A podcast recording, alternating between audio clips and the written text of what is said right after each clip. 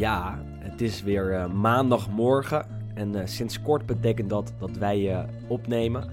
Helaas is Sander Jonkman aan het werk, maar Wes en ik zijn speciaal vroeg opgestaan om hier weer in de studio op te nemen. Goedemorgen. Goedemorgen, alles goed? Ja, prima. Nee, goed, ja, het is lekker. Veel voetbal, weet je. We hebben Het is wel echt lekker hè? het is echt leuk. Je hebt gewoon bijna iedere avond, niet alleen Italiaans voetbal trouwens. Ook gisteravond nog met Barcelona. Je hebt gewoon elke avond heb je, ja, heb je, heb je voetbalwedstrijdjes. En dan is de eh, ene pot klaar en dan kan je nog even doorschakelen naar de andere. Ja, nee, ik vind het heerlijk. Nee, goed, eh, ik zag volgens mij de Vef, eh Jordi, die had op, eh, op Twitter gevraagd van hoe vinden we het nu? We hebben nu eigenlijk weer, nou wat is het, een paar weken dat er voetbal is eh, zonder publiek overal eigenlijk, eh, behalve in, eh, wat is het, Scandinavië geloof ik. Of in Rusland. Eh, daar, daar zijn wel een paar, eh, paar types die op, het, eh, op de tribune willen zitten. Ehm, maar goed, ja, hoe het bevalt zonder publiek. Maar ik vind het heerlijk, weet je. Het is, Het is in ieder geval wat. En ik kijk, is beter dan ik kijk niks. meestal inderdaad toch niet echt met heel erg veel aandacht voor de, voor de commentatoren of de achtergrond. Ik zet meestal het geluid toch laag. Dus ja, wat dat betreft merk je daar ook niet heel veel van. En het spel is, vind ik eigenlijk echt niet heel veel, heel veel slechter. Misschien zelfs leuker geworden, omdat... Iedereen is moe aan het einde. ja nee, goed, het is, je hebt inderdaad wat meer open wedstrijden, zeker op het einde inderdaad, vanwege die conditie.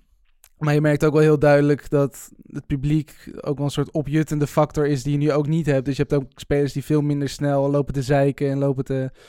Ja, het, het, het, Nee, het het is, het is allemaal wat, wat, ja, wat, Maar het haalt wel een deel van Ja, de goed, passie tuurlijk. weg. Ik zag een paar Absoluut. reacties op, op die tweet. Want het was gewoon een vraag van...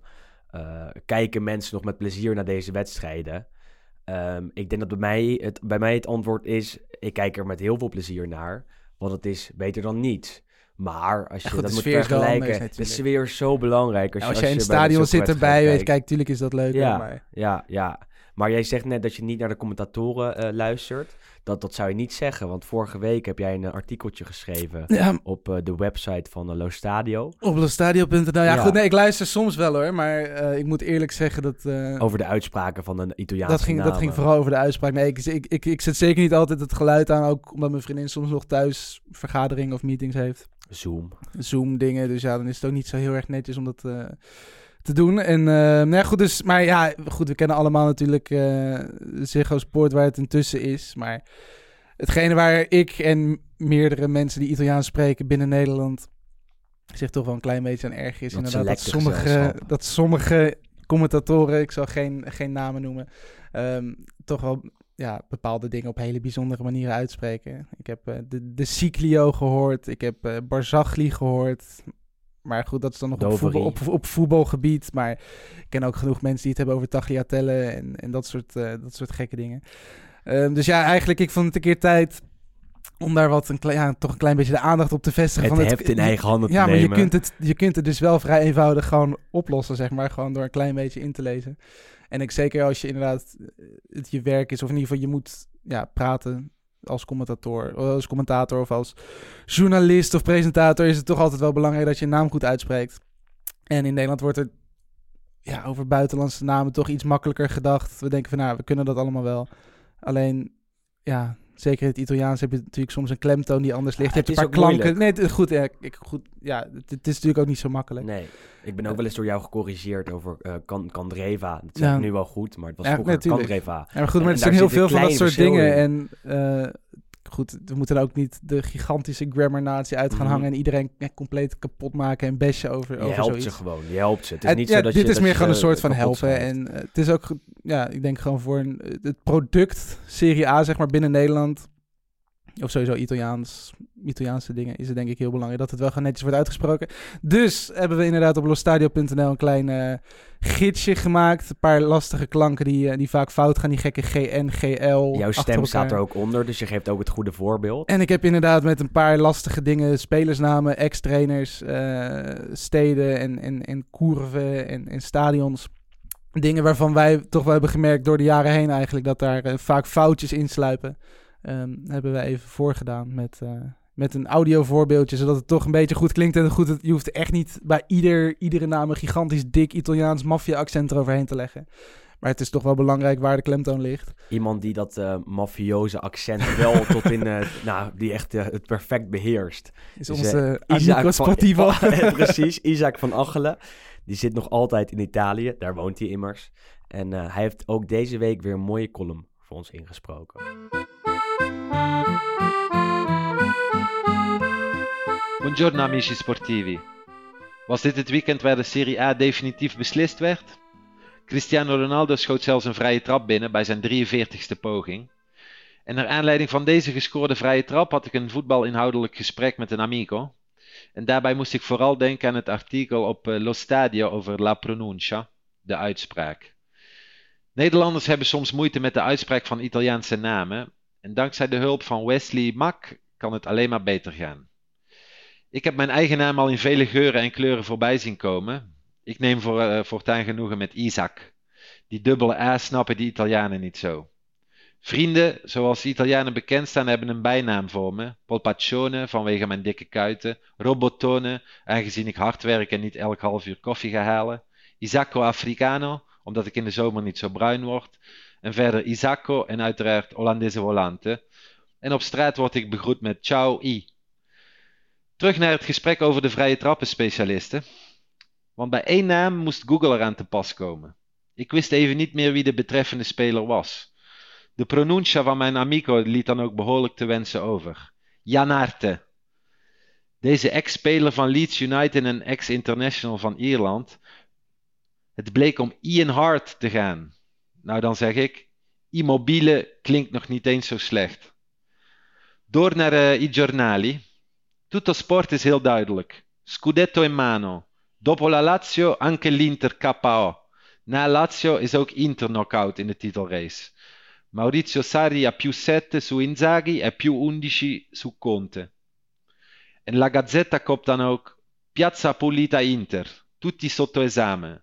C'è da dimostrare di meritare questo club, altrimenti è giusto prendere altre decisioni. Iedereen zal moeten laten zien uh, de club waard te zijn, anders is het goed om andere beslissingen te nemen. Verderop in de Gazzetta krijgt Jerdy Schouten een welverdiende 7 voor zijn prestatie. Hij speelde een sterke wedstrijd tegen Christian uh, Eriksen en wordt vergeleken met Bedin en Tagnin, twee middenvelders van Inter uit de jaren 60. Bravo Jerdy. In de Corriere aandacht voor Roma. La magica, zoals de Romanisti hier zeggen. Van magie is echter weinig sprake. Ook hier wordt geschreven over knockout. Terzo KO di fila, de derde knockout op rij. Unica consolazione il rientro di Zagnolo. De enige troost is de terugkeer van Zagnolo. Dit is misschien het enige voordeel van de coronastop. Zwaar geblesseerde spelers kunnen dit seizoen toch nog minuten maken. Nicolo Zagnolo scheurde in januari zijn kruisband, maar hij heeft gisteren zijn rentree kunnen maken. Ik vind het een pareltje voor de Serie A. Alla prossima!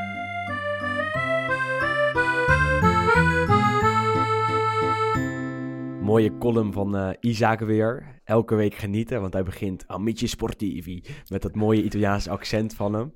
En dan neemt hij ook de Italiaanse krantjes altijd voor ons door. Dit keer ook met een uh, persoonlijke touch eraan.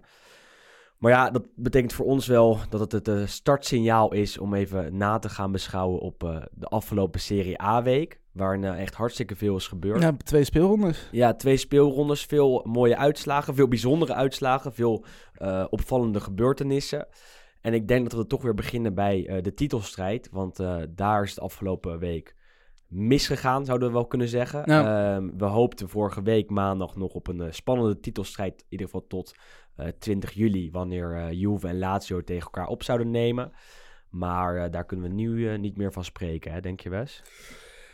Nee, ja, door de uitslagen inderdaad van afgelopen, vooral zeg maar het tweede deel van de week, uh, is het toch wel een klein beetje, die, ja, die hoop daarop is wel een klein beetje verdwenen. Zoals uh, Isaac net zegt, uh, Piu 7 op, op Lazio, 7 punten voorsprong op Lazio en intussen 11 op, op Inter, 12 op Atalanta. En dan hebben we het over Juventus natuurlijk. En goed, dus Juventus staat 1 en...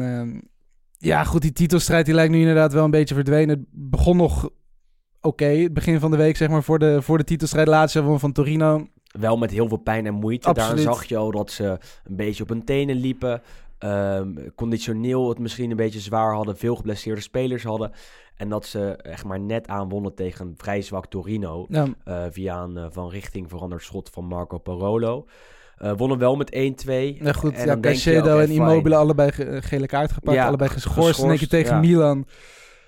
Ja, maar goed, maar dat is dus een beetje het, het vreemde. Lazio wint dus van Torino met heel veel pijn en moeite. Milan speelt een, een dag later met heel erg veel pijn en moeite gelijk tegen, tegen Spal. Dat al zo goed als gedegradeerd is. En- En laatste staat. Ja, nee, goed. En dan is het natuurlijk eh, nu, wat was het gisteren of, of zaterdag, wint eh, Milan gewoon met 3-0 Zaterdagavond, in het Stadio Olimpico. Ja, En van heeft Lazio dus. praktisch niks in te brengen. Ook vanwege die schorsingen natuurlijk, dat mag je niet vergeten. Dat zag je wel. Ze waren echt tandloos. Natuurlijk, ja. En ook mentaal is dat toch een klap als je je topscorer... eh die Ja, absoluut. Het is 29 29 bovenaan goals, ja. Dat, dat als je hem mist, is natuurlijk wel eh, eh, gelijk een mentale klap, denk ik. Lazio had het dus al moeilijk. Heeft na de coronastop echt met iedereen eh, moeite gehad eigenlijk. En natuurlijk al van Atalanta verloren. Daardoor hadden ze al echt al eh, een, een, een achterstand op Juve waarvan je dacht, "Hmm, dit wordt al heel moeilijk. En ze moesten vanaf dat moment eigenlijk alles winnen om die druk op Juve te houden. Deden ze net aan telkens. En, en tegen Milan ging het echt, eh, echt hartstikke mis. Eh, laten we even bij die wedstrijd beginnen. Lazio 0, Milan 3. Ehm, verdiensten van Milan of was Lazio zo slecht? Ik denk allebei. Ik moet zeggen, ik vind Milan echt niet zo slecht als sommige uitslagen soms ook wel doen, doen lijken. Zo'n 2-2 tegen, tegen Spal. Goed, die wedstrijd. Milan verdiende daar natuurlijk ook niet heel erg veel. Maar op basis van, als je toch kijkt naar die statistieken, denk je van ja, het is belachelijk dat Spal er überhaupt op een 2-0, eh, wat was het, eh, 2-0 komt ja, geloof ik. met een eh, of 2-1. werelddoelpunt Werelddoelpunt van, van, eh, Sergio Floccari. Ja. Met de klemtoon op, Goede het, eh, op het uitspraak, eerste deel. precies. Ja, ja, ja, ja. Ja, goed, maar ik vind wel, eh, Milan is redelijk uit die coronastop gekomen eigenlijk. En vooral Hakan Çalhanoğlu, helaas viel die uit met een, eh, wat was het ook volgens mij een kuitblessure. Maar goed, die, eh, ja, die zet eh, Milan op 1-0. Prachtig doelpunt. Prachtig, van buiten echt goed. Maar hij 16. speelt echt heel goed eigenlijk sinds, de, ja, sinds die coronastop. Want hij is nog niet echt... Goed, hij gold natuurlijk, wat was bij HSV vroeger, gold tot echt wel tot, ja, als groot talent eigenlijk. En het is er bij Milan nog niet echt uitgekomen. Nou, echt niet, kan je wel Echt zeggen. niet. Ja, goed, hij, speelt, hij wisselvallig. speelt wel regelmatig, toch basisspeler over het algemeen. Maar inderdaad niet echt dat je denkt van, dit is het. En hij kan nog een stapje hoger op. En nu eigenlijk pas sinds die coronastop zie je dat het echt wel gewoon een hele goede voetballer is. Hij heeft ook een hele goede band met, eh met Slatan. En met Ze, zaten- ze zaten volgens mij op de, samen op de motor ergens rond het, eh het Gardameer Mhm. of de Lago Maggiore, zag ik. eh, Of het Lekker. Comermeer, geen ergens rond een of ander water. eh, ja, lekker met een eh, soort Harley Davidson uh, leren aan, helm op, zonnebrilletje. Mooi duo wel. Ja, goed, het hakken en Zlatan, dat klinkt natuurlijk niet, niet slecht. Nee, goed, en Zlatan even later met een strafschop die eh, heel moeite, ja, Ja, Strakosje hij had hem- had hem eigenlijk net. gewoon gehad. Ja, ja, ja. een 2-0. En dan is het natuurlijk ook wel klaar. En je ziet wel bij Lazio, afgezien van het ge- gewoon conditioneel, eh, dat echt dat hele aanvalspel is gewoon echt op Immobile gebouwd eigenlijk. Dat nu, als die denk, eh, ja goed, want volgens mij is het pas een van zijn eerste wedstrijden dat hij er niet is. Hij ver- Kijk, het punt is dat hij niet alleen scoort, hij verdeelt het spel ook. Hij is Ja. een soort van spelmaker in de spits. Laat zich uitzakken, geeft dan de bal door op links aan, aan eh, nou, de afgelopen tijd is dat eh, eh, Johnny, of op rechts aan Lazzari. Ehm, en als hij er niet is, dan doet Correa dat niet. En, en volgens mij stond Luis Alberto afgelopen zaterdag achter hem. Luis Alberto is ook iets beter, iets meer teruggetrokken op het veld. En niet echt achter de spits of in de spits zelfs. En dat merkte je dus hartstikke erg dat Lazio heel veel moeite had om kansen te creëren. En nog meer moeite had om Milan van zich af te houden. Ehm, en dan heb ik eh, het bij Milan misschien in de tweede helft vooral over Theo Hernandez. Die hebben we al vaker over gehad in, eh, in deze podcast. In de, eigenlijk het afgelopen hele jaar wel, wel een aantal keer benoemd. Die bleef maar gaan, hè, met zo'n bl- geblondeerde koep. Het- ja, maar- de Soleil. Ja, maar het is een fantastische vent. Hij ziet er inderdaad uit alsof hij gewoon al een jaar op vakantie is. Ergens rond het is jullie op zo'n stomme Hollandse camping waar, waar ze broodjes frikandel verkopen aan, aan het strand. Nou ja, het, is- het is een bijzonder figuur, maar het is gewoon een hele goede voetballer. En ja, ik Op de brommer. En hij denk- gaat, maar je ziet hem gaan. Hij heeft een conditie. Dat is niet normaal. nou, Hij heeft, eh, tegen Lazio had hij volgens mij in het laatste kwartier twee kansen. Dat hij zo erg opstroomt van links naar het midden komt. maar goed, we hebben natuurlijk heel vaak over, eh, wat is het, Robin Gozes gehad. eh, dat, hij, eh, dat hij natuurlijk veel scoort, veel Mhm. assists geeft. Maar daarna is denk ik Theo de beste back. Ja, Eh, ja, we hebben hem op, eens. in het begin van het seizoen hebben we hem zelfs de beste van heel Italië genoemd. En toen Eh, kwam toen, Gozes toen, toen, kwam- toen opzetten. kwam Robin even ja, erlangs. ja, ja. Maar goed, nee, het is fantastisch. En we hebben natuurlijk ook over Inter door de jaren heen gehad met matige backs. En bij Milan heeft het natuurlijk ook altijd eh, Zeker, best wel heel erg zeker, eh, ja. tegengezeten in dat opzicht. Maar Theo is echt een, eh, ja... Schot in de roos. Voor 20 Absoluut. miljoen eh, gekocht van, eh, van Real Madrid. En ehm, nou ja, hij laat het zien. En, en dit is wel een speler waarop Milan moet gaan bouwen de komende jaren. En dan heb je er een paar. Want Ehm, Oké, Slatan gaat weg. Die doet het echt hartstikke goed. Is super belangrijk voor Milan. Ook als kapstok in de aanval. Wat Immobile dus bij Lazio ook is. Maar normaal gesproken vertrekt Slatan aan het Ja, einde goed, en van het kijk, daar kan je natuurlijk ook niet echt zeggen van daar gaat nu onze toekomst Nee, op ingericht worden. Want die man is natuurlijk ook al... eh, De- ja, 38. Maar bij eh Rebic kan je dat wel doen. Die moeten ze echt zeker eh, overnemen van Frankfurt. Dat is een topper en die laat het de afgelopen eh, weken en maanden eigenlijk heel erg goed zien. Theo Hernandez is ook zo'n speler. Romagnoli, eh, de Lazio-fan die Lazio eh, eh, de nek heeft omgedraaid in de strijd om de titel. Moet je ook zeker blijven bouwen en niet gaan verkopen aan een Juve of aan, aan een Lazio misschien wel. Ehm Donnarumma. Dit zijn vier relatief jonge spelers. ehm, die eh, tussen alle miskopen van, van Milan van de afgelopen jaren het wel goed hebben gedaan. Ehm, dus er, is- er is wel een redelijke kern, en dat is misschien wel een smalle kern, maar bij Milan waar ze op voort kunnen bouwen. En eh, waardoor ze volgend jaar zich misschien wel voor de Champions League kunnen kwalificeren. En het is elk jaar eh, iets wat we zeggen. Alleen nu zie je echt wel dat er wel, wel degelijk kwaliteit in de selectie zit nou, dat het moet kunnen. Eh, misschien wat opportunistisch, maar als je in één week wint van, van, oké, van een slecht draaiend Roma en van Lazio, wat wel gewoon een titelkandidaat is, was, is het gewoon hartstikke knap. Nou goed, maar dat Ehm, hebben we natuurlijk vorige week al een beetje gezegd. Je, het bl- het blijft natuurlijk binnen de club blijft het wel een beetje broeien. En je weet natuurlijk ook niet wie er straks in, eh, wat is het, als we weer gaan beginnen september, oktober, wie er dan aan het roer staat. dat en is dat is, dat is natuurlijk een beetje het probleem. Dus ja, op dit moment is het eh, ze hebben in ieder geval de kern, kleine Hosanna, precies. maar het blijft altijd de slag om eens. En, en Ralf Ranjik zal wel komen en ze zullen wel eh, eh, een nieuwe trainer gaan aanstellen. En vanaf dan is, is het weer een nulpunt. En dan vanaf dan kan je ze weer opnieuw gaan beoordelen. Op dit moment scoren ze gewoon wel een onvoldoende, want ze staan zevende. En Milan moest de Champions League halen dit jaar. En dat gaat ze weer niet lukken, want ze staan 19 punten achter op eh, Atalanta. Daar komen we zo meteen nog, nog op. Of 19? Nee, iets minder. Eh, 17 punten achter op Atalanta. Daar komen we zo meteen nog even over te spreken. Maar laten we eerst even teruggaan naar de titelstrijd. Eh, Eerder op zaterdagavond won eh, Juve namelijk van eh, Torino met 4-1. Kunnen we wel even snel langs. De licht eh, met een ongelukkige hensbal. Ja, nou, gewoon geen penalty eigenlijk. Nee. Volgens mij is nu de regel sinds dit seizoen, eh, als die bal eerst via je eigen lichaamsdeel nog komt en dan op je arm, is het geen hands. Nou goed, ik heb het idee dat die Maresca, die stond gigantisch tegen de zon in te kijken op dat beeldscherm. ik, nee, maar ja, Ja. Het, het kan echt, Daar kan dat kan ook gelegen echt natuurlijk. in. Italië. Weet je, dat, ik, ja, ik snap dat niet. Dan heb je één kant van het stadion waar volle zon is, één kant waar het schaduw is. Waar zet je dan die VAR-monitor vol in de zon? je ziet Maresca eerst al kijken van, nou, wordt dit het of wordt het nog beter? Dan doet hij zijn handen voor zijn ogen en dan staat er zo'n technisch mannetje Kan naast. Juve van eh, hulp Die- van gebruiken. dan zegt, je. zegt die technicus van ja, maar ik, ik zal dat klepje nog een klein beetje lager doen. Doet hij dat? Nou goed. het- ik, ik kan me niet voorstellen dat die Maresca dat echt duidelijk heeft Voor de gezien. duidelijkheid kwam de bal via de knie Ja, van de licht dij op zijn, of ja, zijn bovenbeen tegen eh, zijn arm. Ja. En goed, kijk, dat zijn hand daar zit. Ik snap dat wel, want hij draait in, zeg maar, om die bal te blokken. Dus dan zit je hand zit natuurlijk automatisch voor je in plaats van langs je. Als je Ja. Wesley even iets zachter hoort, hij doet het nu voor. ik deed het even me. voor.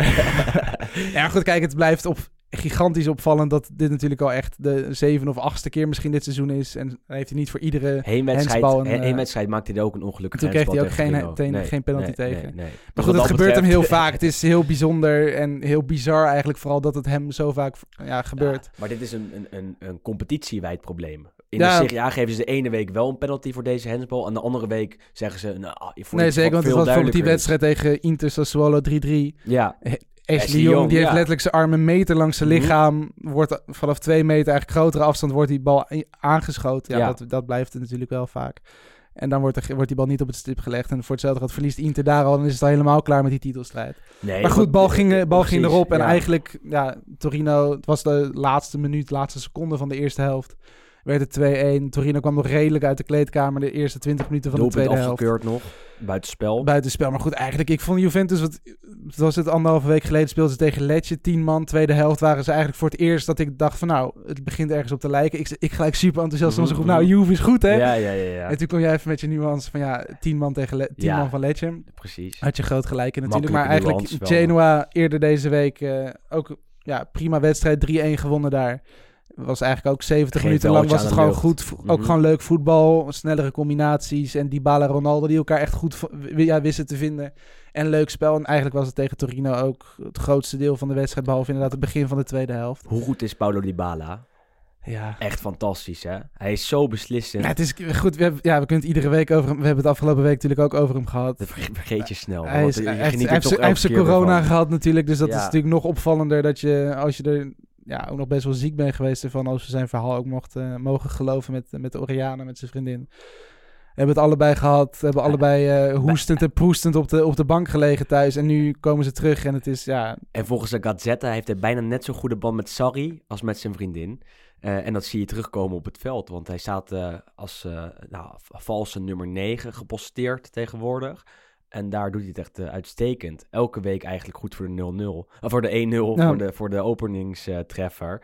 en eh, en, gewoon de die- meest beslissende speler van de Serie A nu. En die goal En tegen. Torino, ja, nee, dat sowieso. Een goal tegen Torino was eigenlijk een exacte kopie van die tegen Genoa. ja, Vanaf de hoek van, het, van de 16 dribbelt hij naar binnen, speelt een paar man uit en dan legt hem in de verre hoek. Tegen Torino ging er iets minder mooi in. Ja, maar goed. Maar goed, het is, ja, het, het is enorm knap. En wat ik zeg, ja, zeker als je er zo lang echt nog ziek bent geweest, is het heel knap dat je op die manier terugkeert. Want er zijn ook spelers die gewoon fit zijn geweest. Die hebben drie maanden lang getraind en die komen niet terug en die zien eruit als een Mhm. overwerkt paard. Ja, bij die ballen zie je gewoon zo erg die kwaliteit. En wat dat betreft, Paratici die, eh, is nu bezig om inderdaad vijf jaar langer, of tenminste zijn contract tot 2025 te verlengen. Nadat hij eigenlijk afgelopen zomer nog eh, naar de uitgang Ja, werd geschreven. was bijna van Tottenham natuurlijk. En, en dan gaat hij de op één na best eh, betaalde speler Ja. van de Serie A worden. Eh, nummer 1 is Cristiano Ronaldo. En die maakte voor de verandering een vrije trap afgelopen weekend. 43ste poging, Isaac zei het net ook al inderdaad. Eh, het was echt wachten totdat, er, ja, totdat hij er een keer invloog natuurlijk. Eh, maar om heel eerlijk te zijn, dit was ook misschien de eerste in de afgelopen 20 pogingen die überhaupt richting doel Op doel was. Ja, goed, uit in de eerste helft lag de bal ja, beter voor een linkspoot. Maar Cristiano dacht van nou, ik ga het toch proberen. Boeien, ik pak hem gewoon. en toen was het een gigantische vlaat. Die ging bijna richting cornervlag geloof ik. Pakken wat je pakken kan. Uiteindelijk gaat hij er een keer in. En Ja, nee, maar goed, gebeurde naar dan kijken. de Het is natuurlijk wel de aanhouder wint. En je weet natuurlijk wel dat Cristiano Ja. echt wel een vrije trap kan nemen. Maar het is gewoon vooral dat het zo pijnlijk werd eigenlijk. Omdat je gewoon in een team zit waar Dybala zit. Die ook regelmatig vrije trappen de kruising in hengelt. En Pjanic, die Ja. dat ook kan. Ehm, Die, dus- ik, we hebben het niet nagekeken, maar die hebben zeker een beter percentage Nee, van absoluut. vrije trappen Nee, die dat scoren dan zeker. Ronaldo. En goed, dat, blijft, dat was natuurlijk ook een beetje het pijnlijke. Dat ja, eigenlijk geen enkele poging van Ronaldo überhaupt ook maar gevaarlijk leek te zijn. Dus wat dat betreft is het natuurlijk ook wel lekker dat hij erin ging. En 25 doelpunten. En goed, dat Ja, viel mij ook op. goed. Want ik zag dat statistiekje voorbij komen van, eh, van Opta Paulo, geloof ik. Eh, dat inderdaad nu pas de eerste speler van Juve is die 25 doelpunten maakt in een seizoen sinds Omar Sivori in 1960. Ja, dat is zo'n gigantisch ding. Te, ik, ja, je staat eigenlijk niet bij knap? stil. Ook omdat Ja. Juventus natuurlijk zo'n gigantische club is die heel veel kampioen is geworden in de afgelopen, nou wat is dat, 60 jaar. Ehm, dat ze eigenlijk nooit een speler hebben die veel scoort. En ze hebben wel heel veel goede spitsen gehad. ja, nee, dat is het opvallende. Ik heb inderdaad eventjes een klein beetje de geschiedenis ben ik ingedoken naar de topscorers van Juve. Maar dan heb je inderdaad een Del Piero Mhm. met 20. Een keer, dat was dan nog de hoogste, volgens mij David Trezeguet is toen gedeeld topscorer geworden. 3, 24 doelpunten. We hebben drie keer op rij Platini gehad die niet boven de 20 uitkwam. Higuain no- heeft eh, ook nog wel een keer Nou goed, dat was eh, niet bij, eh, Juve, Ja, maar goed, dat Nee. was inderdaad niet, eh, was hij al niet eens topscorer van de hele competitie. Nee, nee, dat was Dus bij dat is, dat wel. is wel echt heel opvallend eigenlijk dat eh, nu met 25 doelpunten dat hij al zo hoog staat. Er Maar zijn ja, nog acht wedstrijden te gaan. Eh, Ronaldo staat op 25, Immobile op 29. Higuain heeft het record in handen. In, eh, 36. Met 36. Denk je dat het eh, record eraan gaat? Wordt moeilijk, hè? Het wordt sowieso heel erg goed. Kijk, die 36 van, van Higuain was toen natuurlijk sowieso gigantisch veel.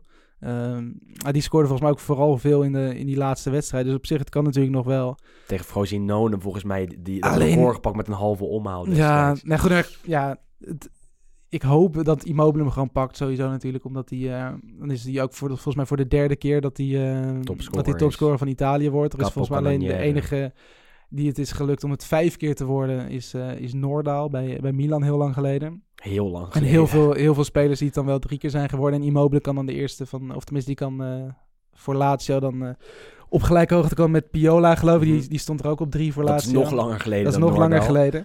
Ja, goed, dus ik hoop dat het, dat het nog lukt. En er zijn natuurlijk nog wel een paar wedstrijden. Maar het is ook een beetje afhankelijk van hoe... Hoe het team draait Welk team. En Ja, goed, ja. kijk... ehm, Lazio, die, gaat, die moet nog vechten natuurlijk voor die laatste kans. Dus er komt automatisch extra druk. En dat is natuurlijk ook ervoor zorgen dat Immobile misschien wat minder makkelijk zou scoren dan als, het, als hij bijvoorbeeld bij Juventus zou spelen, waar nu eigenlijk een klein beetje die druk ervan af lijkt En. Ronaldo gaat het normaal gesproken niet meer halen, denk ik. Juve nog een aantal lastige tegenstanders. Eh, waar Ronnie niet opeens een hat gaat maken. Als zul je nu zien dat hij dat wel gaat doen. Want elke keer als wij kritisch zijn op Ronaldo, Ik wil, Scoort ja, hij ik daarna wil nog even een kleine shout-out naar Minne. ja, Die zegt sinds de coronastop kan hij helemaal niks meer. nee, dan komt hij er weer eventjes en, en dan laat heeft hij er het toch weer weer zien. volgens mij vier duels op rij gescoord. En een Ja, prachtig doelpunt superknap. tegen Genoa en deze vrije trap tegen Ja. Torino ook goed. Maar goed, Juve gewonnen op 75 punten. Lazio dag, de, de, de, dezelfde avond verloren. Wil je het over Inter hebben? 68? Of eh, Met heel veel pijn en moeite gaan we het over Inter hebben inderdaad. begin van de week 6-0 tegen Brescia. Toen dachten we nou... Ja, maar dat was Goed, ook... Brescia, ik, ik zei maar- toen ook al, Brescia was echt hartstikke slecht. Inter was prima. En als Inter dan snel op 1-0, 2-0 komt, is het direct voorbij. Eh, het draaide goed en eh, Lautaro Lukaku werkte weer voor de verandering een keer prima. Al was Lautaro toen ook al niet super. Eh, maar van Brescia moet je winnen. En eh, dan komt zondagavond Bologna op bezoek bij Inter. En dan weet je van tevoren eigenlijk al, en zeker als je Interista bent, weet je dat, dat het gewoon een hele lastige wedstrijd gaat worden. Ik weet niet, je voelt, je voelt het gewoon. Dus ik ging met een paar vrienden kijken. Weet je wel, waren, eh, niet dat Inter hun zoveel interesseert, maar ik wilde het graag zien. En ik zei al van tevoren, Bologna, dit gaat gewoon lastig worden. Nou, Toen was de eerste, het eerste half uur was Inter zoveel beter. Eh, kwam op 1-0, eh, kansen voor de 2-0. Bologna liet niet zien. Eh Moussa Barrow, over wie ik heel positief was voorafgaand aan de wedstrijd, nou, had nog geen bal geraakt. Kwam er langzaamaan iets in, maar eh, was zeker in de eerste helft niet zo goed. Nou, rust. Ehm, en na de rust krijgt eh, Bologna een rode kaart voor Soriano. Of met Soriano. En die, ehm, nou, die speelde ook niet zo gelukkig. Dus nou, fijn. Lekker dat hij een rode kaart krijgt voor Inter. Eh, waarom krijgt hij die rode kaart? En daar moeten we wel even bij stilstaan. Hij noemt de scheidsrechter een slechte scheidsrechter. Daar komt het op dat, dat is het. op Hij zegt, eh zij Scarso. Ja, En Scarso is eigenlijk meer zoiets van, ja, matig, slecht. Maar geen scheldwoord, Nee. ni- niks heftigs. je, je bakt er niets van en dan net iets heviger of zo. ja, Ja, maar het is nog vrij, eh, nou, hoe zeg je dat, PG-13. ja, ja. Ehm, en ja, goed, volgens mij zijn er nog een keer van Van Culo ergens daar rond. Maar goed, dat, ja. ja. dat betekent iets als fuck you. Dat is natuurlijk ook niet zo gigantisch bijzonder. Kijk, je moet, we gaan niet even het sch- het schelden, gaan we niet verheerlijken. Maar er worden volgens mij veel ergere dingen geroepen op een Ja, voetbalveld. wel, dan ben je toch aan het mierenneuken als En scheidsrechter. die scheidsrechter, het was, Kijk, dan eh, krijg ik nu een rode kaart voor mierenneuken. Pairetto, geloof ik. eh, Ja, ook zeker. Niet, zeker niet een van de beste scheidsrechters. Eh, die geeft een directe rode kaart. En die, je hoort hem dan nou nog zeggen... Oh ja, maar hij heeft gezegd dat ik Ja, slecht clown, was. jongen. En dan, ja, denk echt, echt een grote clown. Die, hij was eerst kaal, toen heeft hij zijn haar laten groeien. En nu heeft hij zo'n mooie eiland op zijn, Ja. eh, op, op zijn kruin. En Eh, goed, een beetje en dan zie je, oh, dan ziet hij, loopt hij een beetje rond. En de hele wedstrijd was hij al een beetje aan het gebaren. Een en, soort eh, theater. fanatiek theater Ja. aan het maken. En eh, op het moment dat iemand dan de waarheid zegt, want dat is de waarheid, het is echt een hele, Een slechte scheidsrechter, geeft hij direct de rode kaart aan Soriano. Nou, Ja, als ik Soriano was, zou ik woedend zijn. Ja, goed, hij was natuurlijk ook niet blij. Maar, en, ja, maar goed, kijk, het is in Italië sowieso natuurlijk wel bijzonder wat je wel en niet mag zeggen. Ehm, je hebt daar iets stevigere... We hebben natuurlijk ooit, wat is het hier in Nederland, Wesley Sneijder gehad, die volgens mij... eh, Cynisch applausje bij scheidsrechter cyni- Rocky. Goed, dat was toen in derby. Italië. We hebben in, in Nederland al gehad dat hij Oh, natuurlijk ook hier, iemand ja, voor, een, ja, eh, ja. voor iemand anders uitschold. Kreeg je toen rood? Toen kreeg hij volgens mij ook in één keer rood. Ja, volgens mij Jeffrey Vlug van Sparta schold hij uit. Ik, Blinde, blinde, blinde, eh, ja, dat mag Gaan we dat zeggen? ja, eh, eh, ja, blinde tyfushond, zei hij. Zoiets. Is- is- is hij Ja, goed, later, kijk, dus dat, is natuurlijk, dat, is, dat is nog wel een iets ander niveau. Maar je hebt in Italië natuurlijk ook heel veel... ja, het is iets religieuzer. Je mag Ja. natuurlijk ook niks zeggen over God of Maria. En dat zijn natuurlijk daar, voor dat soort dingen, het is echt blasfemie. Maar één minuut voor de rode kaart van Soriano, want je hoort nu alles hoort wat de spelers alles, zeggen, Wordt het ook hoorde ik ook een, Ja. een, een, een scheldwoord waarbij God erbij wordt betrokken. Toen dacht ik, nou, dat is wel iets heviger. Kijk, eh, Dat wordt meestal ook mee, niet- maar wel, nee. daar, mee- daar krijg je wel een boete voor. Ja, maar dat zijn vaak inderdaad boetes. Ja. En we hebben het vorig seizoen hebben we daar volgens mij ook smadelijk om gelachen met eh, Rolando Ja, Mandragora. exact, ja. die was toen, die miste volgens mij een kans. En die, ja, het was super duidelijk te lezen. Toen was, kon je natuurlijk niet horen vanwege het publiek in het, in het staan. Die riep ook iets van, eh, weet ik veel, Porco Dio, Porco Cana, maar mhm. weet ik veel. En die werd inderdaad op basis van de videobeelden werd hij geschorst. Dat zul je natuurlijk ja, in Nederland niet zien. Eh, eh, Het maakt dus wel een verschil nu, omdat er geen publiek is, hoor je alles. Nou, Je hoort de trainers roepen, je hoort de spelers schelden. En zo'n scheidsrechter moet dan niet opeens nu eh, nou, in het harnas zijn gejaagd omdat Ja. iemand de waarheid tegen hem zegt. Omdat hij gewoon een slechte wedstrijd floot. maar goed, ja, Soriano eraf. Soriano eraf. penalty En- voor Inter. Dan denk je, niks aan de hand. Inter gaat winnen. 11 tegen 10, penalty. penalty. Mitchell Dijks die eh legde Kandreva neer. Ah, vond ik op zich wel een penalty, misschien iets goedkoop, maar oké. Nou, En eh, daar besluit eh, Lukaku, die normaal de pingels neemt, besluit om Lautaro Martinez, zijn eh, maatje in de spits, hem te laten nemen. Want die heeft al een tijdje niet gescoord en die draait niet zo lekker. Ja, komt er- ja, ja, mis. Ja. Skorupski, de uitstekende Bologna-keeper, die later ook nog een aantal redding, reddingen had. Hield hem. Eh, rebound van Gagliardini, ook gehouden, ook enorm knap. En eh, dan voel je de bui aankomen. Dan Ja. voel je hem hangen. Want Ja. dan zie je al gebeuren dat er mentaal iets knakt in het, in het, eh, hoofd van daar. alle Interspelers. En dat, ik ben nu, nou, laten we zeggen, tien jaar dat ik wekelijks naar Inter kijk. En in die tien jaar gebeurt dit aan de lopende band. Elke keer kijk je en elke keer is er een moment ergens in de wedstrijd waarop het knakt. En je, Ja. je zo'n bizarre wedstrijd gaat zien. Dat is eh, twee weken geleden tegen Sassuolo ook gebeurd. Er, er, er is dan een of ander iets wat, wat in San Siro rondzweeft. Waardoor Pazza Inter, gek Inter, telkens terugkomt. Onder welke trainer dan ook, met welke spelers dan ook, eh, welk seizoen dan ook. En dat is en niet alleen die tien jaar zo, dat is eigenlijk Dat al, is- al, al, jaren, al jaren zo. Er 110 is iets jaar, bij Inter. ja. Dus na afloop, nou ja, nou, laten we eerst eh, terugkomen bij de wedstrijd. Want penalty mis. Ehm, Bologna met 10 man, Inter met 11 man. En Bologna besluit om ehm, eh, te gaan wisselen. Eh, brengt eh Juwara in, wat een, nou, een wat een mooi verhaal is. Ze hebben Ja. weer een mooi, mooie zij, eh, zijverhaal dat we kunnen vertellen. Die kwam eh, vier jaar geleden eh, uit Gambia over. Eh, is een vluchteling. stapte illegaal op de boot vanuit Gambia en kwam in Italië aan. Ehm, en daar is toen- Begon daar eigenlijk Ja. pas voor het eerst met een beetje professioneel Ja, voetballen. Precies. Ik weet, volgens mij in de buurt van... Van, poeh, van Verona, dacht ik. Maar ja, dat weet ik, hij hij ik kwam een plaatsnaam Ja, voorbij. ja, ja, ja. Goed, werd geadopteerd door zijn jeugdtrainer. En is toen eigenlijk ja, steeds beter gaan voetballen en Ja. steeds meer opgevallen. En die mocht nu inderdaad zijn eerste doelpunt Ja, maken in eerst bij te- bij Chievo terecht. Heeft een tijdje bij Torino gezeten. Maakte heel veel indruk. Ja, Eh Chievo degradeerde vorig jaar. Toen heeft Bologna eh, gedacht. En daar hebben ze, ehm jeetje, Sabatini natuurlijk. dat- Wat een, echt een hele bekende talent scout is uit Italië. Die heeft hem in de jeugd al zien spelen. En die dacht, eh, wij bij Bologna hebben een ambitieus project. We gaan inzetten op jonge spelers. Zo'n Giovara, die echt heel veel indruk maakte bij de Primavera van eh, Chievo. En ook eh, bij Torino. Gaan wij overnemen. Hebben ze 500.000 euro voor betaald. En inderdaad, ook bij de onder 21 van Bologna deed hij het uitstekend. Waardoor hij dit jaar al best wel eens bij de selectie zat en zijn debuut mocht maken. Een paar wedstrijden gespeeld. en telkens wel heel, heel grillig, denk ik. Ja. Eh, maar wel. En je ziet wel dat hij goed kan voetballen, ja, Moussa. Ja, en, en, en gisteren viel hij in. ja. En, en dan is het zo'n bijzonder verhaal, omdat hij natuurlijk vier jaar geleden nog in Gambia eh, zat. En eigenlijk eh, ten einde raad was. En zonder zijn ouders, ook nog wel belangrijk om erbij te zeggen, naar Italië is gevlucht. En hij scoorde. Hij maakte 1-1. de 1-1. Ja. Ehm, terug naar het voetbal. Want Twee minuten later. Nou, ja, eerst, eerst even, ik wil, ik wil deze naam hebben genoemd. Want Gagliardini die trapt vol over de bal heen. En Gagliardini is de zondebok van alle Interisti. Maar die mag geen minuut meer spelen in het shirt van Inter. Ehm, dat terzijde, hij trapt over de bal heen. Juwara maakt hem en het wordt 1-1.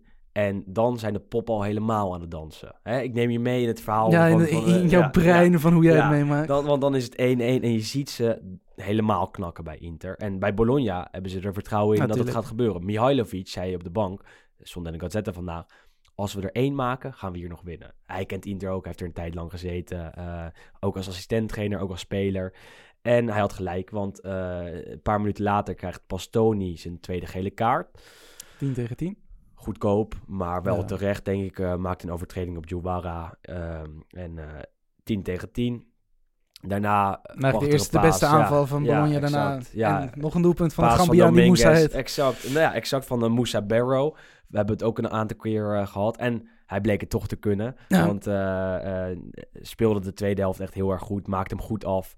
Eh, wordt gehuurd van Atalanta. Eh, Bologna heeft een verplichting tot koop. En daarmee hebben ze echt goud in handen wat mij betreft. Eh, laat het dit seizoen echt zien. Vooral in 2020 heeft Roma over de knie gelegd in zijn eentje. Was gisteren de tweede helft echt hartstikke sterk. En, en nou ja, als we dan Inter bekijken, is Inter nu uit de, uit de titelrace. Ja, goed met 11 punten. ja, 11 punten achter Juve. Dat was al zo. Ze waren er al uit. Ze waren er eigenlijk al voor de coronastop uit. Maar telkens had je dan nog een klein beetje hoop. Eh, en ook, ook als neutrale supporter denk ik dat ze er zich toch kunnen mengen. Ehm, Maar ik, wil- ik wil het eigenlijk vooral over Bologna hebben. Want dit was echt de verdienste van Bologna uiteindelijk, denk ik toch wel. Eh, als je kijkt wat voor interessant project ze hebben. Wat voor talentvolle spelers ze, laten, ze, laten, ze minuten laten maken. Ehm, je hebt Jerdy Schouten, die vorig jaar nog bij Excelsior zat natuurlijk. Die het echt heel erg goed deed. Die Eriksen, de miljoenen aankoop van Inter, compleet uit de wedstrijd speelde. Je had Stefano Denswil die het goed deed. En je hebt al die talentjes die we nu al hebben genoemd. eh Juwara, Barrow, Dominguez, eh Tomiyasu, die het wel iets lastig had, maar oké.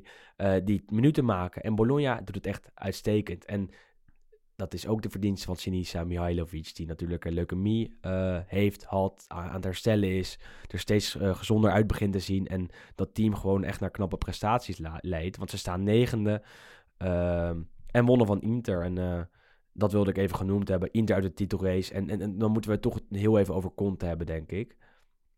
Als jij zijn seizoen, zijn eerste seizoen als trainer van Inter een cijfer moest geven, of moet geven, welk cijfer zou je hem dan geven? Wel een voldoende of geen voldoende? Ik, ik balanceer op de, op, op de zes. Gewoon, Ja, zoiets zal het inderdaad worden. Zeker het begin van het seizoen zag je wel dat het beter ging dan goed het laatste seizoen van, eh, van Spalletti. Dat lijkt me ook logisch, weet je. Mhm. Meestal als er een nieuwe coach komt, gaat het in het begin sowieso wat beter. Maar ja, ik, ik ben er wel van overtuigd dat Conte echt gewoon een goede trainer is. En dat, dat, dat staat ook niet in goed, de discussie, dat, denk ik. dat staat denk ik buiten kijf. En hij, kan, hij weet ook hoe het is om, om kampioen te worden, weet hoe het is om prijzen te pakken. Dat is sowieso denk ik belangrijk. Ehm, maar er zijn ook gewoon een paar dingen die inderdaad toch vaak... Hij heeft toch vaak een beetje relletjes, ook met, met journalisten. Soms dat het, dat het over en weer een beetje... En hij Ja. heeft maar één systeem. En hij, Hij heeft één systeem. En het, systeem en het, hetgene wat je nu ook weer ziet richting de transfermarkt... heeft altijd dan weer... In de media laat hij zijn complete wensenlijst laat hij uitlekken. Ik wil, ik wil een keeper, ik wil een linksback, ik wil een linker centrale verdediger, ik wil een, ik wil een spits, ik wil een middenvelder, liefst twee. Weet je, ja, dat is, Groot boodschappenlijstje. ja, goed, maar kijk, dat zijn ook dingen die, ja, die komen mee, zeg maar, met Conte. En, eh, Maar dat wisten ze bij Inter Ja, op het moment ja. dat ze hem gingen aanzetten. Dat heeft hij ja, namelijk goed, bij, bij Juve is hij vertrokken. Ja, natuurlijk, ja. En Marotta heeft het met hem meegemaakt bij Ja. Juve. Toen zei uh, Conte, ik kan niet in een, eh, restaurant eten waar ik 100 euro moet betalen als ik maar 10 euro heb. En Ja. dan had hij het over de Champions League, dat Ja. ze de Champions League wilden winnen. En het jaar erop... Dan moest er ook geïnvesteerd worden. en, Goed, en ja. het jaar erop kwam Allegri met hetzelfde team. die ongeveer haalden in de finale twee Ja, keer in- in ja, drie ja. jaar. Dus hij moet niet wel. zo zeuren. En gisteren heeft hij wel gezegd, eh Conte, dat, dat hij ook ter discussie moet worden gesteld. Want hij nou, maakt de laatste paar wedstrijden van het jaar is inderdaad iedereen moet nu laten zien dat ze Inter waard zijn. Conte heeft aan het begin Patsa Inter afgezworen. Ze hadden een nummer bij, bij Inter, dat hebben we al een keer eerder gezegd. Patsa Inter, Amala, hou van het gekke Inter. Toen heeft hij gezegd, dit nummer gaan we niet meer draaien in San Siro. Want eh, we, we willen een einde maken aan misschien, het is dat wel, misschien was dat wel de reden van... eh, Nou, maar als we de afgelopen iets zien, weken iets zien, dan Ja. is het eh Patsa Inter. Want eh, het, het gekke Inter eh, is de ene week of de ene wedstrijd goed en de andere wedstrijd laten ze helemaal niets zien en laten ze de tegenstander eroverheen lopen. Conte heeft daar niets eh, aan veranderd. En dat kan je hem wel kwalijk nemen, denk ik, dat je onder zo'n toptrainer, wat hij wel is en Spalletti nou ja, in Minder. mindere mate, had je kunnen verwachten dat Conte er iets, iets aan had veranderd. En dat is gewoon niet zo. En dat is super teleurstellend. En gisteren zijn ze bij Inter ook na de wedstrijd ehm, zijn ze samengekomen. Eh, hebben Marotta, Ausilio, Oriali, Orali, Oriali is de, de, assistentmanager van Conte. En Conte zelf hebben vergaderd ehm, in de kleedkamer voor 90 minuten. En, en daar moet iets uit zijn gekomen. Het is niet helemaal duidelijk wat. Maar eh, ik denk dat Conte de aanwinsten krijgt die hij wil. Die heeft hij natuurlijk al deels binnen met Hakimi. Maar hij zou ook andere namen krijgen. Maar dan mag je hem volgend jaar afrekenen op elke misstap. Op de eerste misstap mag je dan, dan zeggen... Weet je, eh, je moet kampioen worden met Inter. Het, je hebt nu een jaar gehad. Je hebt eh, straks 300 miljoen uitgegeven. En dan kan je niet genoegen nemen met een derde plek. Of straks misschien wel met een vierde plek. Want Atalanta gaat er misschien nog wel overheen. ja. Maar goed, dat, dat gaan we de komende weken in de gaten houden. Heb ik maar een paar minuten Inter ook gehad. Het is veel leuker om het over andere dingen te hebben. Ehm, ja, toch? Ja, Dat is- dat is best wel heftig interessanter, denk ik. Ja, Om als fan van de club te zeggen dat je het liever niet over de ja club wil hebben. het, het, ja, het- ik het snap is, het. het, is, eh, Ja. eh, het is bijna niet te doen. Laten, maar het is echt, echt aanstelleritis hoor. Maar eh, het is is, echt bijna, niet te doen. Het is bijna niet te doen. Ja, waar, waar gaan we naartoe? Ik denk dat we even naar, eh, naar Atalanta. was een vraag van de luisteraar of we het daarover wilden hebben. Dat moeten we natuurlijk elke week. Ja, we zitten nog doen. even snel langs gaan. Ja. Ehm, nou goed, 2-0 Ja. gewonnen van Napoli. Knap, eh, Knap. soeverein. Napoli is, draait hartstikke goed. Alleen eh, Atalanta is op dit moment het beste team van de Serie A. Eh, en ze wonnen gisteren ook van, van Cagliari. Echt met heel Dat was veel wel echt- moeite. Ja, maar goed, ze speelden natuurlijk ook echt wel met nou, B11, dat wil ik niet zeggen, want er stonden nog wel een paar grote namen Mhm. in. Maar achterin eh Boskos Futalo, een, eh, wat is Ja. het, een 20-jarige Kroaat die dan opeens weer daar Had jij er ooit van gehoord? Ja, ik wist dat ze hem hadden gehaald Ja. afgelopen, afgelopen eh, transferperiode, maar En Tameze, ik, ik, zag die namen in Jordan Tameze, inderdaad een ja. Fransman. Het zijn inderdaad niet de, niet de beste spelers, maar goed, daarnaast stonden ook gewoon nog de Roon en nog een paar andere grotere namen ertussen. Ehm, en ja, 1-0, penalty, Luis Muriel, overtredingje van Carboni, ook een jonkie. 2000, gele kaart. 2001 werd hij Ja, geboren. ja, ja. Tweede gele kaart, uiteindelijk was het volgens mij zelfs een directe rode kaart, penalty. Al was het een directe... Ik dacht En 1-0 voor ja, Atalanta. En eigenlijk, ja, het, het, spel was niet heel erg goed. Doelpunt van kansen Simeone was ook al afgekeurd daarvoor. Kopbal van de Ehm, paal nog. Dus er waren nog wel wat kansen. Maar het was gisteravond iets minder sprankelend. En het is dan Mhm. ook wel opvallend dat zo'n Gasperini dan gewoon in de tweede helft drie spelers inbrengt. en die zegt ik gooi gewoon en Ilicic en Papu en Zapata er nog even bij. Lekker is dat, hè? Dat is wel lekker als je dat soort ik- mensen op de bank hebt zitten. wat, maar... wat de vraag daarbij is, is de selectie van Atalanta de op één na meest brede selectie van de Serie A? Ik Nee, neig te zeggen van wel. Ja, maar goed, het, het- dat hebben we ook al heel vaak gezegd. Het is ook gewoon dat systeem en al die spelers passen gewoon perfect bij Atalanta. En dat is iets wat je wel bij een Inter en bij een Lazio Mhm. qua selectiebreedte een beetje mist. Het zijn zo'n prima spelers, ja. zeg maar, qua niveau. Alleen eh, die, het, ja, in het systeem of in het... Ze passen niet volledig. Mhm. En bij Atalanta is dat wel Maar, maar 100% zo'n zo. zo'n Malinowski paste aan het begin van het seizoen niet in het systeem. Belandde Ja. op de bank. Is wel voor veel geld gehaald uit, eh, uit België. Maar doet het de afgelopen week echt heel erg goed. En, en dus is die scouting gewoon A, hartstikke sterk. Hebben we het vaker over gehad. En ook gewoon eh, waarschijnlijk de begeleiding ja. en de manier En waarop er met zo'n speler wordt gewerkt. Ja, ja. En dat is razend knap natuurlijk. En ja, je Atalanta doet het gewoon echt heel goed. Ja. En zeker nu Lazio en Inter natuurlijk punten verspelen, komt, Lazio, komt de Atalanta ook gewoon dichterbij. Kunnen zij kampioen worden volgend jaar? Ja. Wel, Nou goed, ja, kijk, ja, ik, denk, ik denk van wel, kijk, als ze deze lijn doortrekken en inderdaad niet te veel spelers kwijtraken, want dat is natuurlijk wel een klein beetje, we hebben natuurlijk met Ajax gezien en met alle kleinere ploegen, Mhm. tussen aanstekens, die het ook gewoon goed doen in Europa en in de competitie, zie je toch dat er heel veel aasgieren komen. Ehm, en ja, bij Atalanta zal het, ik kan me niet voorstellen dat die gewoon de volledige selectie eh, intact houden. En dan is het natuurlijk maar weer even afwachten hoe het Maar ja, dat, wordt ze- herbouwd. Maar goed, ja, ik heb wel vertrouwen bewezen- ook. ze Zeker inderdaad in de, in, in de directie daar en ook vooral in Gasperini dat het inderdaad echt wel kan. En met de spelers die ze dan halen, die niet opvallend zijn, maar het wel gewoon heel goed doen. Ja, en je moet niet vergeten hoeveel basisspelers ze de afgelopen jaren al kwijt zijn Ja, geraakt. tuurlijk. En, het blijft, elk en het blijft beter gewoon, ja, het er is blijft nog heel steeds een gaan. stijgende lijn in. Ehm, en Atalanta is interessant. En, en dan is de volgende vraag. Hè, Serie A volgend seizoen. Maar dit seizoen hebben we nog de Champions League. Nou, Ja, goed, hebben het kan, ja, natuurlijk. Nee, maar goed, zeker nu het over één wedstrijd is. ja. Ehm, Ik denk dat Atalanta ook wel zo'n typische ploeg is die het over één wedstrijd beter kan doen dan over twee. Omdat je vaak over twee wedstrijden toch uiteindelijk geeft de kwaliteit misschien wat meer de doorslag dan de vorm van de dag. Maar als er één ploeg is die goed is in de vorm van de dag, zeg maar, Ja, exact. dan is het Atalanta. En ja, het is, eh, het is gewoon heel erg knap. En ook in de Serie A gaat het echt record na record. Ze hebben gisteren maakten ze de honderdste. Eh acht overwinningen op rij is nog nooit gebeurd. Eh, het is echt, ja, het is heel bijzonder. Eerst was eh, Roma hun eh, grote concurrent. Stonden ze nog vier punten achter op Roma, Atalanta. Op dit moment staat Atalanta 15 punten voor op Roma. Dat is pas eh 12 wedstrijden geleden dat dat niet zo was. Ja, dus heel veel cijfers. Heel veel cijfers in deze Maar zin, goed, inderdaad. In, in, in 12 goed, bij Roma wedstrijden gaat het helemaal mis, inderdaad. Daar komt het op neer. Bij Roma gaat het compleet mis. Fonseca, de trainer, staat onder druk. Eh, hanteerde gisteren tegen Napoli een ander systeem met eh, een, een driemans verdediging centraal. Ehm, en, en, en het bestuur van eh, Roma bevindt zich eigenlijk altijd in Amerika. James Pallotta die heeft al, echt al jaren geen voet meer in Rome gezet. En het gaat daar helemaal mis, hè, want qua beleid wordt iedereen eruit gestuurd. Iedereen zit onder druk. En op het veld heeft dat blijkbaar zijn invloed. Want Roma draait niet, laat het echt Nu drie duels op rij verloren. Ja, en, en nou ja, ik wil er eigenlijk één Nederlandse speler uitpikken. Eh, Justin Kluivert speelde gisteravond eh, als een soort valse spits. Nou ja, dat was echt helemaal niks. Dat was echt, echt helemaal niks. Die is er compleet uitgespeeld door eh, Napoli-verdediger Koulibaly. Ehm, en dan is mijn vraag, heeft hij er dan verstandig aan gedaan om van Ajax naar Roma te gaan twee jaar geleden? Want in die twee jaar is echt niet veel beter geworden.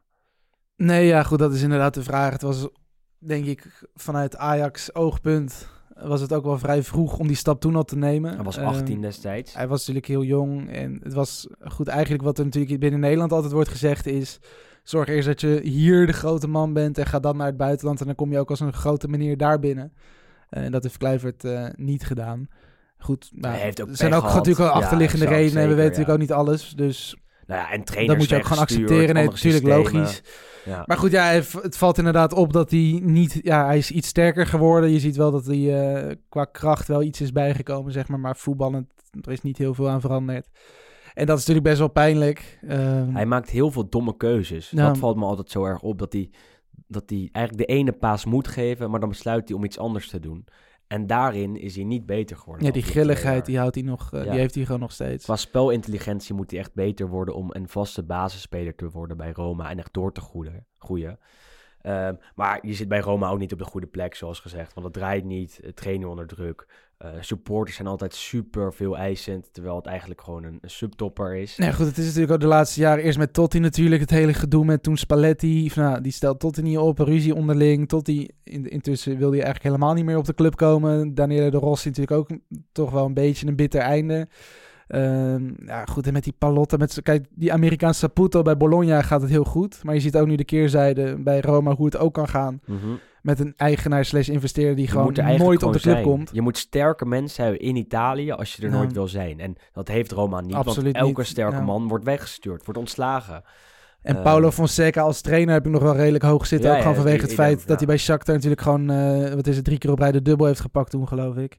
En je ziet wel dat het spel leuker is dan onder Spalletti, ook toen. Daar en Ranieri en die Francesco en die we, wie we daar natuurlijk allemaal hebben gehad. Maar zeg maar wat je bij een Atalanta wel ziet, ook onbekendere jongens, wat grotere, of tenminste wat minder bekende talenten... Die worden gekocht, passen bij Atalanta perfect. Bij Roma wordt Niet. het eigenlijk ook gedaan, alleen niemand, het lukt daar gewoon niet. Maar Monchi heeft het daar ook niet goed gedaan natuurlijk, is vertrokken.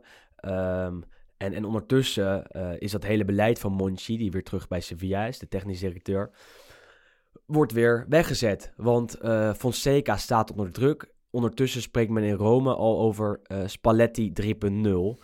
Dat Luciano Spalletti al terug zou keren, weer terug zou keren als trainer van Roma. Hij is destijds met veel bombarie vertrokken daar, eh, met ruzie, eigenlijk met alles en iedereen. De fans hebben echt een enorme hekel aan hem, omdat hij eh, Totti ehm, nou ja, de deur heeft Ja. gewezen, eigenlijk hoogstpersoonlijk. Nou, als hij dan terugkeert, dan zijn de poppen ook, ook daar aan het dansen. En dat is al eh, Ja, goed, dat zegt wel genoeg over de situatie waarin ze zich bevinden. Dat ze dan nu weer... Ja, het is, eh, het is verdrietig. Maar goed, het- op zich is dat nog wel leuk qua spanning. Inderdaad, voor die laatste tje- eh, Europese...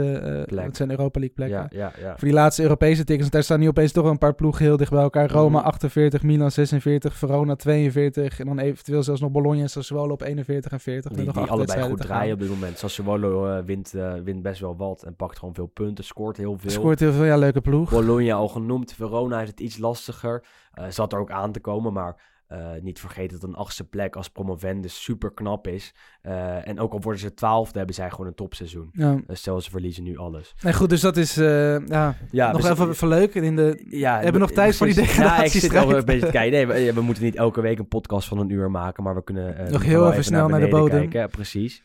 Ja, eh, wat, wat, slechtste ploeg van Italië op dit moment? Sampdoria, Genoa of Torino? de slechtste ploeg van Italië vind ik Spal. Ja, maar goed, die, die zijn al gedegradeerd natuurlijk. Laten we zeggen dat net, Spal net daarboven. En Brescia heeft gewonnen, dus Brescia eh, rekenen we er ook niet bij. Eh, Maar goed, Lecce heeft de slechtste reeks ooit, geloof ik. Dus die, Lecce is de slechtste ploeg. ja, misschien wel van... maar goed, dat mocht je van- natuurlijk ook wel verwachten. Ja, als je hè? kijkt naar wie er nu nog kunnen degraderen. Sampdoria is denk ik bijna veilig. Eh Udinese ook, allebei 32 punten. Torino op 31. Nou, gaat niet de goede kant op, maar hè, eh, hebben laatst een keer gewonnen, waardoor ze een beetje ademruimte hebben.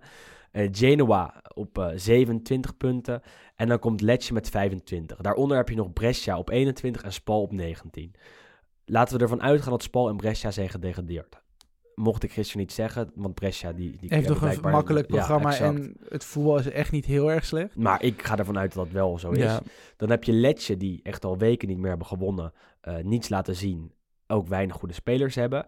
ehm, die ook van, van, ja, van iedereen verliezen eigenlijk. Dan heb je Genoa, die echt wel wat kwaliteit in de ploeg hebben. Maar het totaal niet laten zien. Ehm, en ik denk dat het tussen die twee gaat. Torino, Udinese, Samp. Ja, dat gaat wel, dat gaat wel eh, veilig worden gespeeld, denk ik daar. Denk je niet? Ja, het is... Ja, ik is weet niet, maar ik vind Torino vind ik echt ook een van de slechtste ploegen die ik nu heb gezien. Ik heb Ja, natuurlijk, het was het tegen, het was, ja, nu en tegen Juventus natuurlijk in de derby.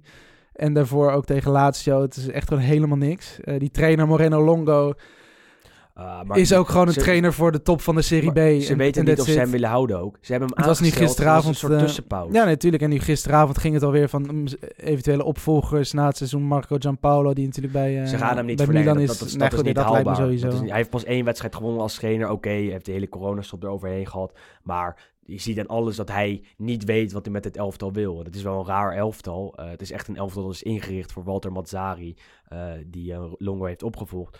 Maar eh, hij doet er ook niks mee. Er is niks verrassends meer aan. Maar het zou me niet verbazen inderdaad als Torino toch plotseling onder die streep staat over een paar wedstrijden. Goed, het is nu nog heel erg, het is nu nog heel erg vroeg, weet je. Je hebt acht wedstrijden nog te gaan. En Maar gisteravond was wat dat betreft Ja. wel heel interessant. Want Spal eh verloor kansloos van Sampdoria. Brescia won ineens van Verona. Udinese en Genoa, ook twee mogelijke degradanten, speelden met elkaar gelijk. Waardoor in de laatste ja, seconde. laatste seconde, Ja. penalty van, eh, van Pinamonti, die, eh, die in de rebound maakte. Eh, Fiorentina is nu wel veilig, want die wonnen met 1-2 bij Parma. Ja. Ehm, maar dan hebben we dat ook even, even gehad. En het is wel interessant om dat in de gaten te houden. Want je kan zeggen dat de Serie A beslist is op bijna elk eh, gebied. Behalve misschien de Europa League plekken. De top 4 is bekend. De kampioen is ook bekend. zo goed als. Ehm, de, de derde, de eerste twee degradanten zou ik zeggen zijn nagenoeg bekend. Eh, Maar er is nog wel wat om voor te spelen. Dus er blijft, er voor blijft nog wel iets, eh, En iets straks is niet Brescia, iedereen eh, wegjagen. Brescia het crotonen van, het crotonen van dit seizoen. En dat kan altijd nog. Moeten ze wel ineens veel gaan winnen. Ehm, hebben die ook gehad? Hans, Waar wil je eh, nog Hans naartoe? Holte, speciaal weer. Hans ik wil nog even... Nee, ik wil, ik wil naar, de, naar de lezers vragen, van, of de luisteraars vragen van, van deze week. Nou, de eerste vraag was: kan Brescia nog aansluiting vinden met de plekken die recht geven op directe handhaving? Eh, hebben we net al even behandeld, dus dat, eh, Dat dat, kan. gaan we niet doen. Napoli eh, gaat waarschijnlijk Gabriel en Osimhen halen van Lille. Ehm, zijn dat goede aankopen? Leuke spelers. Nee, ik heb Osimhen heb ik bij Charleroi een klein beetje gevolgd. Ik vind Belgisch voetbal vind ik ook nog wel af en toe leuk Mhm. om, om aan te zetten. En die was bij Charleroi sowieso een hele leuke ploeg binnen België. eh, met heel veel ja, buitenlandse Afrikaanse spelers vooral. Eh, maar Osimhen, ja, een hele leuke spits. We hebben hem tegen Ajax hebben hem twee keer gezien. Toen was het oké, ook grillig. Ja, exact, ja, ja. eh, Niet, geen spits waarvan je weet, als die één op één staat, maakt hij hem af. maar wel goed voor het spel van Napoli. maar wel een, echt een hele leuke speler, Ja. razendsnel. eh, dus daar kun je wel echt wat mee. En ik moet zeggen, die Gabriel Magalhaes, die ken ik niet goed Mhm. genoeg om daar nu echt een duidelijk oordeel over te vellen. Maar het is wel gewoon een hele degelijke verdediger in die wedstrijd die ik heb gezien ook. Opvolger van Koulibaly, denk ik. Want die gaat vertrekken ook Ja. waarschijnlijk. Napoli gaat echt wel een grote schoonmaak houden. Alan vertrekt. Eh, en ze willen ook nog Sobo Sobosolai. Spreek dat goed Soboslai van Soboslai, eh, ja. Salzburg, een Hongaarse... een moeilijke naam. Misschien moet je daar ook maar een artikeltje over schrijven. Eh, die, daar willen ze ook ver voor gaan. Dus Napoli gaat veel geld binnenhalen en ook veel geld uitgeven. En dan moet je Maar de namen inderdaad die genoemd worden houden. zijn wel echt heel positief, denk Ja. ik. Ik denk dat elke FM-speler of FIFA Career Mode speler die namen ook wel op het lijstje heeft staan. Giuntoli is een, een goede technisch directeur die in de chaos van Napels altijd interessante spelers Nou. naartoe weet te halen. En dat is, dat is leuk om in de gaten te houden. En wie weet gaat Napoli zich dan volgend jaar weer mengen in de strijd om de bovenste posities. Ehm, Nee, dat gun je Gattuso. zeker, zeker. Sinds zijn komst is het eigenlijk alleen maar crescendo gegaan. Dat is natuurlijk ook razend, eh, razend knap. Ehm, nou, heel veel vragen over dingen die we al hebben besproken. Pazzo Milan, ja, dat is Pazza Inter, maar Pazzo Milan is natuurlijk ook iets. Eh Gianluigi Buffon pakt het record. Leuk. Ja, Ja, Ja, 648 heeft een ja, mooie meeste wedstrijden ooit in de, tribute ja, in op, de Serie op het shirt. Werd ook gelijk natuurlijk door Juventus verkocht. Ehm, ook wel een leuk opvallend ding. Hij speelde niet in zijn keepershirt. Hij speelde in het derde tenue van Juve dit seizoen. Mooi.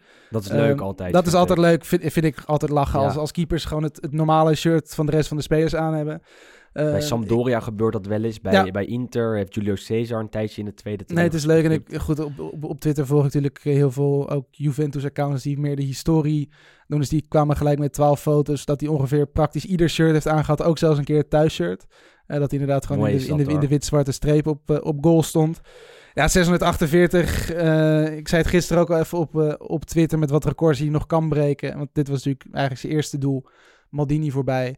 Alleen hij kan nog de eerste speler worden die tien keer de Scudetto wint. Nou, dit seizoen wordt negen.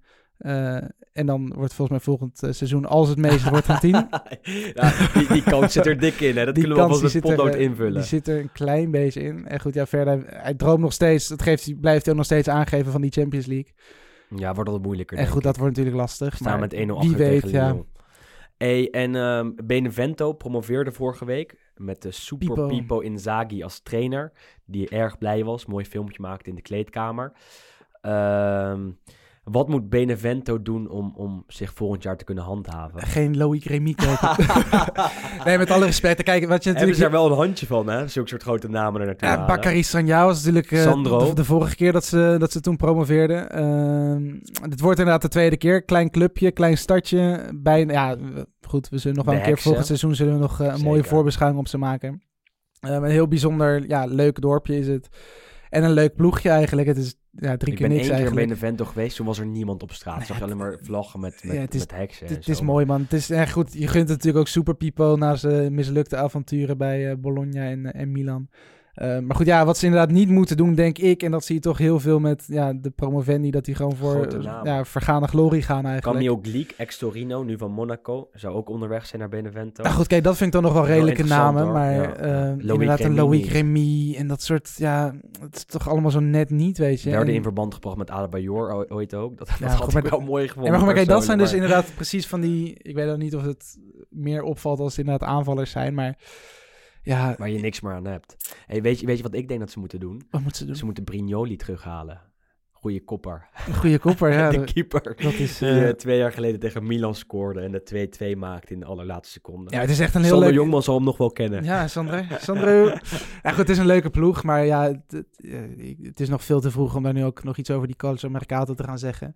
Ehm, maar goed, het lijkt mij nu in ieder geval verstandig om ook op kwaliteit te gaan sorteren in Mhm. plaats van op, op, op naamsbekendheid.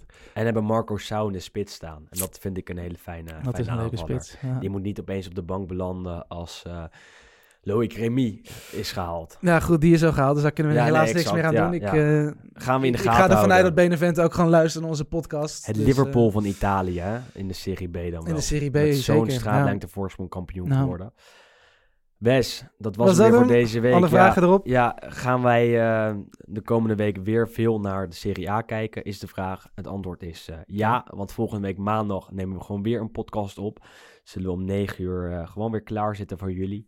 Ehm, als je een vraag hebt, stuur hem gewoon in via Twitter. Kan ook via Instagram of nou, liever niet via WhatsApp. Is ook wel eens gebeurd. Dat Ehm, kan eventueel. ik kan eventueel als je onze nummers ergens vindt. Ja, Wij gaan lekker luisteren naar de column van Juriaan van Wessem.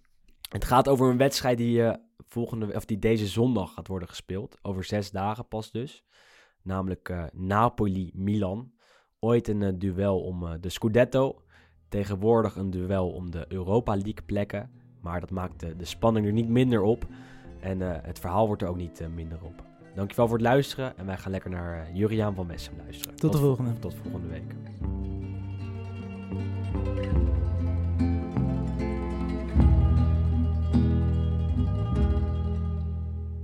Komende zondag is het Napoli-Milan. En natuurlijk gaan de gedachten dan automatisch uit naar de seizoenen waarin het Napoli van Maradona te maken kreeg met het Hollandse Milan. Dan is de verleiding groot om het over die enorme wedstrijd van 1 mei 1988 te hebben. Toen zelfs heel Nederland gekluisterd aan de radio zat om mee te maken hoe Gullit en Van Basten Maradona in zijn eigen tempel wisten te onttronen. Maar eigenlijk is het best wel leuk om eens te kijken naar die andere Napoli-Milans in die jaren. Een half jaar na de koep van Milan in São Paulo stonden beide ploegen weer tegenover elkaar in dezelfde arena. Het werd op 27 november 1988 maar liefst 4-1 voor Napoli. Want er moest wel even revanche worden genomen. Maradona had er zin in, nam de ploeg op sleeptouw en opende vlak voor zichzelf de score. Met een kopbal van buiten het strafschopgebied over de uitgelopen doelman Galli heen. Nog voor de pauze werd het door Careca 2-0 en na rust zou de Braziliaan nog een keer scoren. Het was een strafexpeditie en het werd dus 4-1. In het volgende seizoen werd de strafexpeditie gewoon overgedaan. En toen werd het 3-0 voor Napoli, dat daarmee de basis legde voor de tweede Scudetto. Carnevale maakte de eerste twee goals en de net uit Argentinië teruggekeerde Maradona, een beetje corpulent nog, maakte het feest compleet met de derde treffer. Weer een seizoen later werd het 1-1, waarbij Milan aan een nederlaag ontsnapte door een gelijkmaker van Gullit in de voorlaatste minuut, nadat Maradona uit een strafschop de score had geopend. Het waren zeker altijd bijzondere wedstrijden tussen beide ploegen. Een absoluut hoogtepunt is zeker ook de wedstrijd op 8 november 1992. Maradona was inmiddels met de Noorderzon vertrokken uit Napels. En daar was Claudio Ranieri de nieuwe trainer geworden. Ruud Gullit ontbrak bij Milan, want die kon niet zo goed opschieten met trainer Fabio Capello. De grote man van deze middag was Marco van Basten. Hij speelde in San Paulo misschien wel de beste wedstrijd in zijn Italiaanse jaren. Milan won met 5-1 en San Marco maakte er 4. De eerste, de tweede, de vierde en de vijfde. Tussendoor pikte de elegante waterdrager Stefano Iranio ook een doelpunt mee. En bij 5-0 mocht Napoli iets terugdoen. Gianfranco Zola haalde knap uit en daar blijft het dan bij. 5-1.